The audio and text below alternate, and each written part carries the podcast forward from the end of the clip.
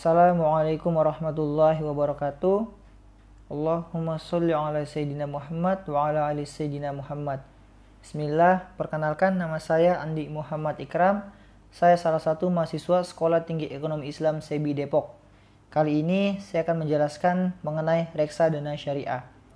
Reksadana syariah salah satu wadah investasi kolektif yang dikelola oleh manajer investasi dengan cara menginvestasikan dana kelolaan ke efek syariah di antara karakteristiknya adalah dana yang terkumpul diinvestasikan pada berbagai jenis efek sehingga resiko teridentifikasi. Mudah investasi karena dikelola oleh manajer investasi. Investor tidak perlu memantau terus-menerus karena sudah dilakukan oleh manajer investasi atau biayanya efisien, hasil yang optimal.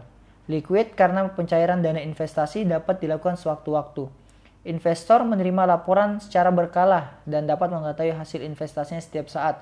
Sesuai dengan syariah, hanya dapat diinvestasikan pada efek syariah, legalitas terjamin dan diwasi oleh OJK.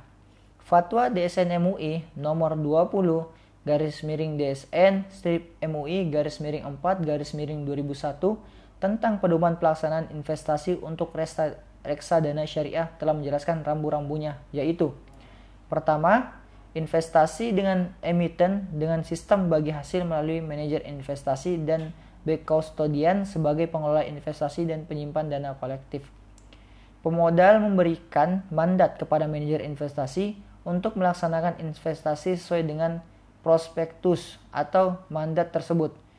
Manajer investasi melakukan investasi bagi kepentingan pemodal.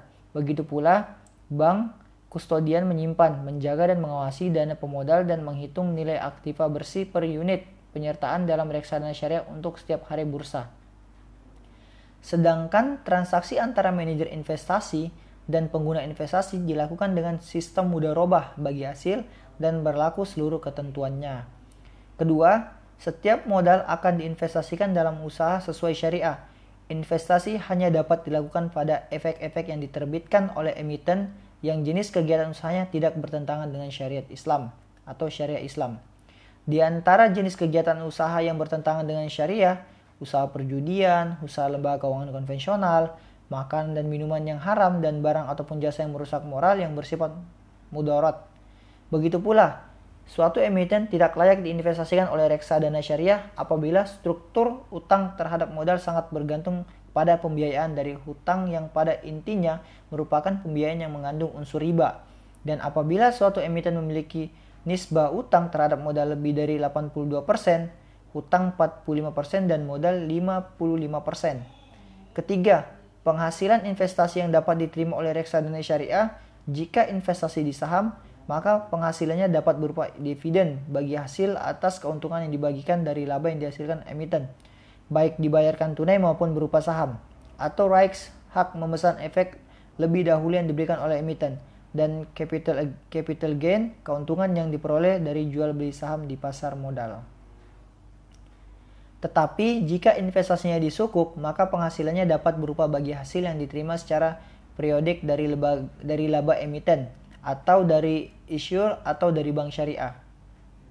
Sedangkan pendapatan manajer investor dan bank kuntodian berupa jumlah berupa imbal jasa yang dihitung atas persentase tertentu dari nilai aktiva bersih reksadana syariah atas pemberian jasa dalam pengolahan investasi dan penyimpan dana kolektif tersebut.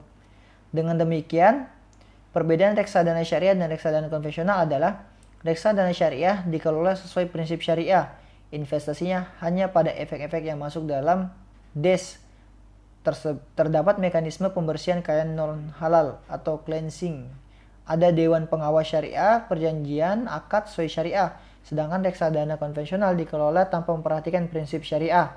Investasi pada seluruh efek yang diperbolehkan, mekanisme pembersihan kekayaan non halal tidak ada, dewan pengawas syariah tidak ada, dan perjanjian akad konvensional. Bagi masyarakat yang memiliki modal untuk diinvestasikan, maka reksadana menjadi pilihan karena menjadi investor yang mengelola dan menempatkan di usaha sesuai syariah, tetapi memiliki imbal hasil dan risiko terkendali. Mungkin sekian dari penjelasan saya, kurang lebihnya mohon dimaafkan. Assalamualaikum warahmatullahi wabarakatuh.